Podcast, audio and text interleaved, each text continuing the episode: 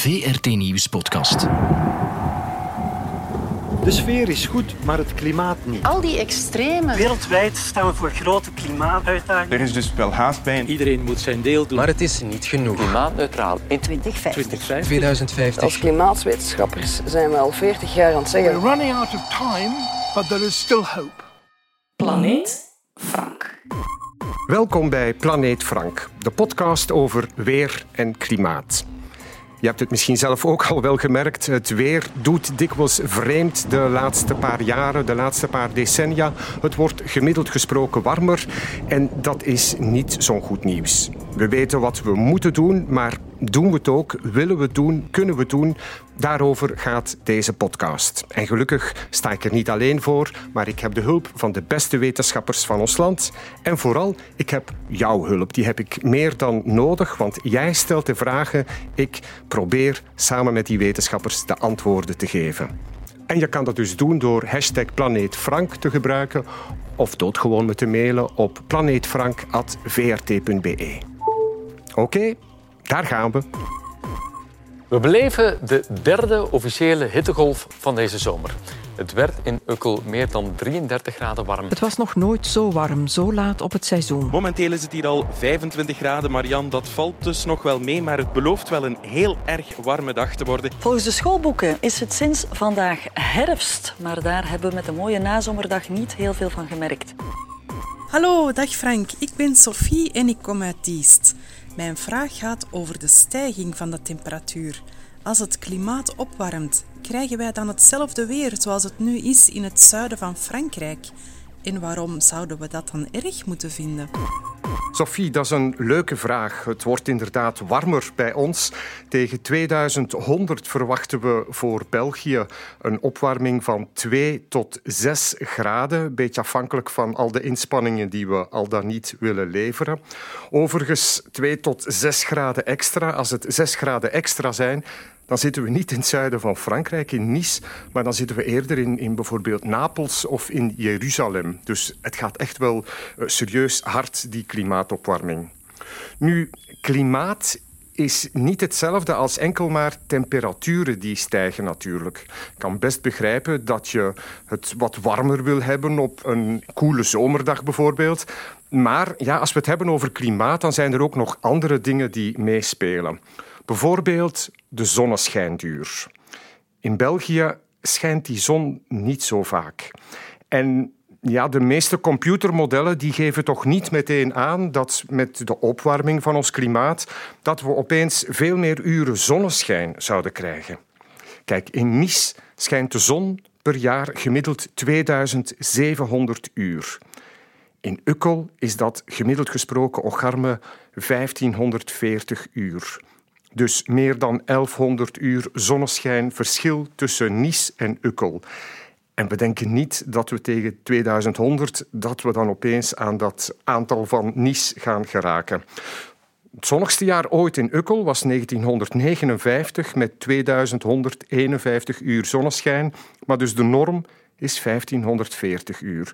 Wist je trouwens dat in landen in Scandinavië bijvoorbeeld, ik zeg maar iets Helsinki of Kopenhagen of Stockholm, dat het daar gemiddeld gesproken een stuk zonniger is dan in België.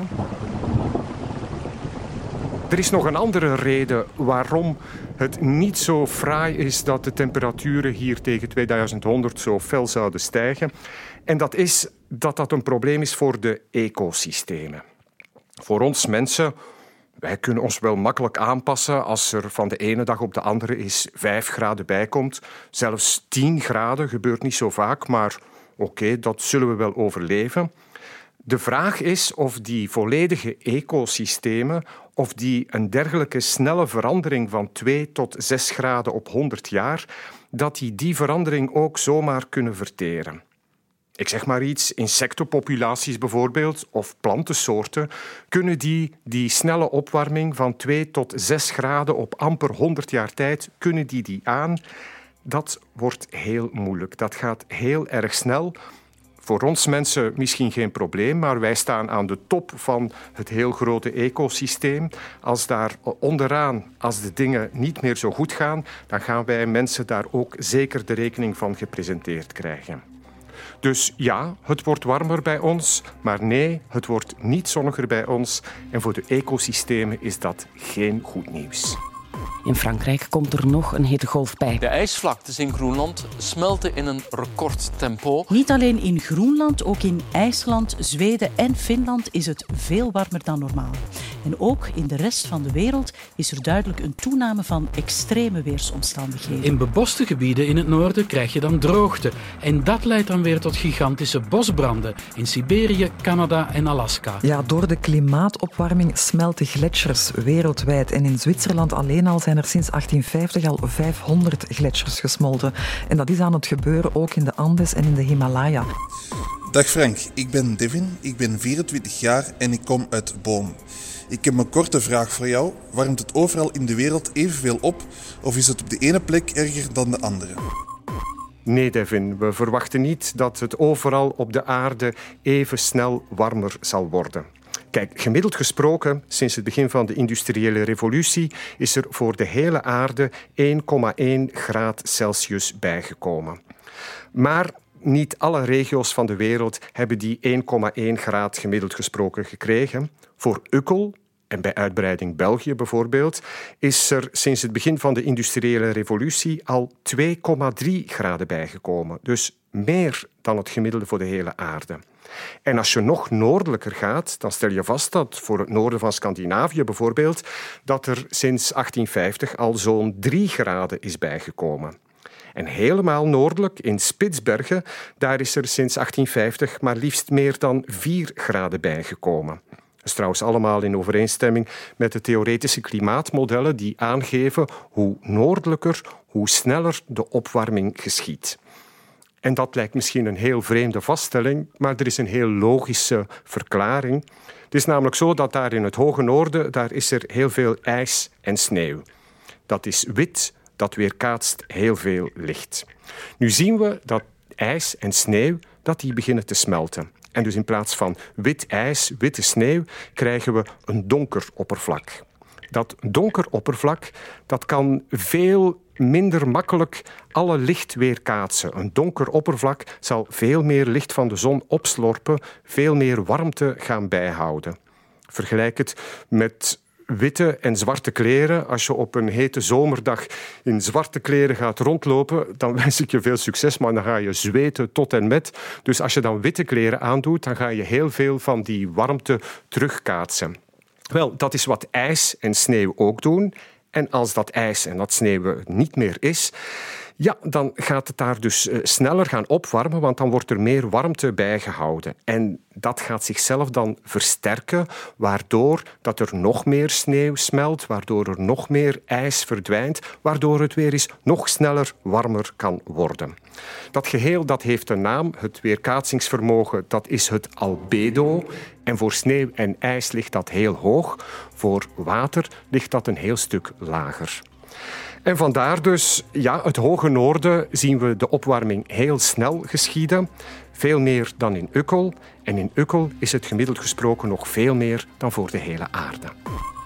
Voor het vijfde jaar op reis de maïs- en bonenoogst in Centraal-Amerika mislukt als gevolg van droogte en abnormaal hevige regen. Ja, gedruppel dat de natuur best wel kan gebruiken, maar het zal niet voldoende zijn om het grondwaterpeil te doen stijgen. Bij de doortocht van storm Gloria in Spanje zijn al negen doden gevallen. De storm heeft grote overstromingen veroorzaakt, zoals hier in de buurt van Barcelona. In Zwitserland helpen helikopters van de brandweer mee in de strijd tegen de droogte.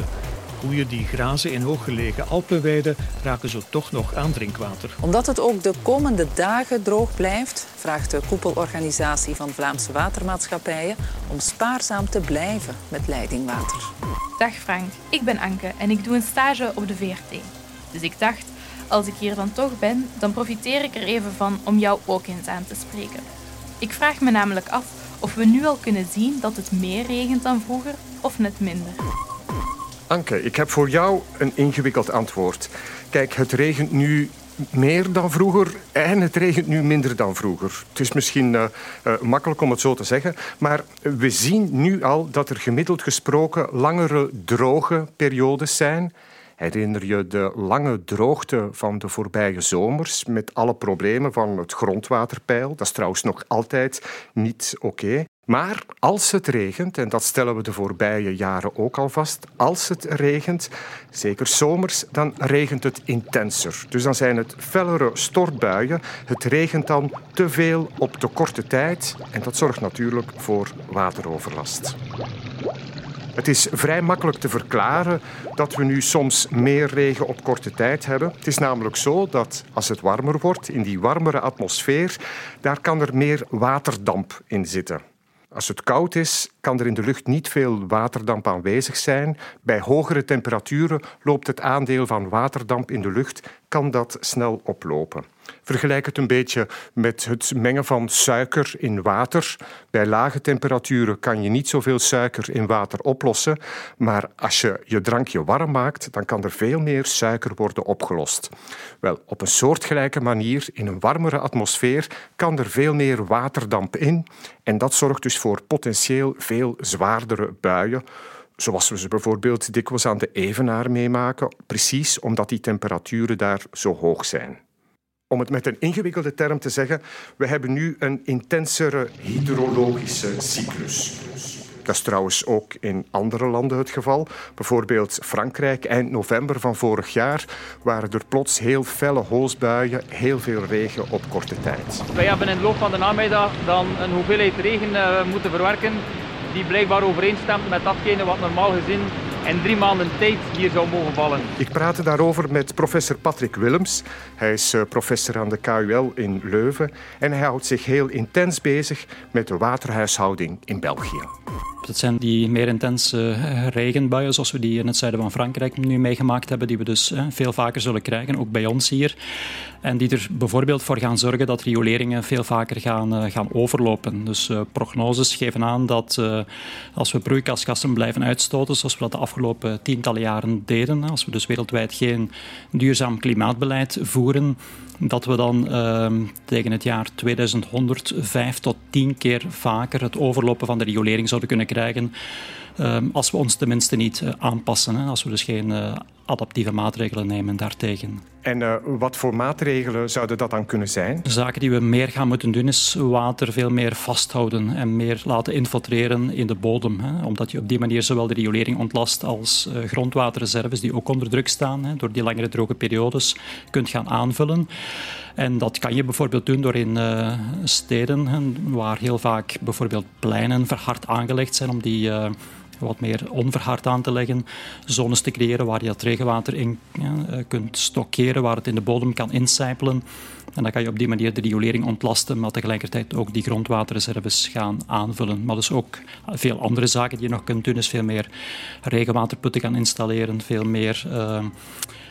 ja, proberen van via spaarbekkens, bufferbekkens water te stockeren tijdens natte periodes, hè, om dat dan tijdens droge periodes uh, te kunnen gebruiken. Dus uh, door de versterking van hydrologische cyclus, hè, het feit dat piekregens intenser worden en drogere periodes langer worden, gaan we eigenlijk ons waterbeheer moeten aanpassen, zodat we tijdens die natte periodes veel meer water vasthouden, ophouden of in de bodem laten uh, incijpelen om dan die uh, waterreserves ter beschikking nog te hebben tijdens de droge periodes. Ja, dat zijn uh, wel heel ingrijpende maatregelen. Hè. Uh, we moeten daar tijdig gaan beginnen, denk ik dan. Zijn we er al mee bezig? De grote steden zijn er al mee bezig. Hè. Dus steden zoals um, Antwerpen, Gent, um, Brugge, Leuven enzovoort. Zij zijn eigenlijk al eerste maatregelen in die richting aan het, aan het nemen. De kleine gemeentes zijn daar vaak nog niet mee bezig, maar gaan dat ook moeten gaan doen. Dus we gaan dit echt op grote schaal moeten gaan implementeren in de toekomst. Um, telkens bij elk nieuw planningsproject of bouwproject in, in, een gemeente of een stad, hè, van systematisch eigenlijk die duurzame principes van uh, klimaatadaptatie ook mee te gaan integreren in dat hele plannings- en uh, bouwproces. Water is dus een heel kostbare grondstofanker. We moeten er heel zuinig mee omspringen. Tenzij dan misschien zomers om zelf te drinken, want ja, je moet voldoende drinken om te zorgen dat je niet uitdroogt. Wist je trouwens dat Vlaanderen als regio een stuk droger is dan bijvoorbeeld Spanje? In Spanje is er per inwoner gemiddeld gesproken meer water beschikbaar dan bij ons in Vlaanderen. Zo, dat was het. De eerste Planeet Frank podcast. Bedankt voor het luisteren. Heb je zelf weer of klimaatvragen?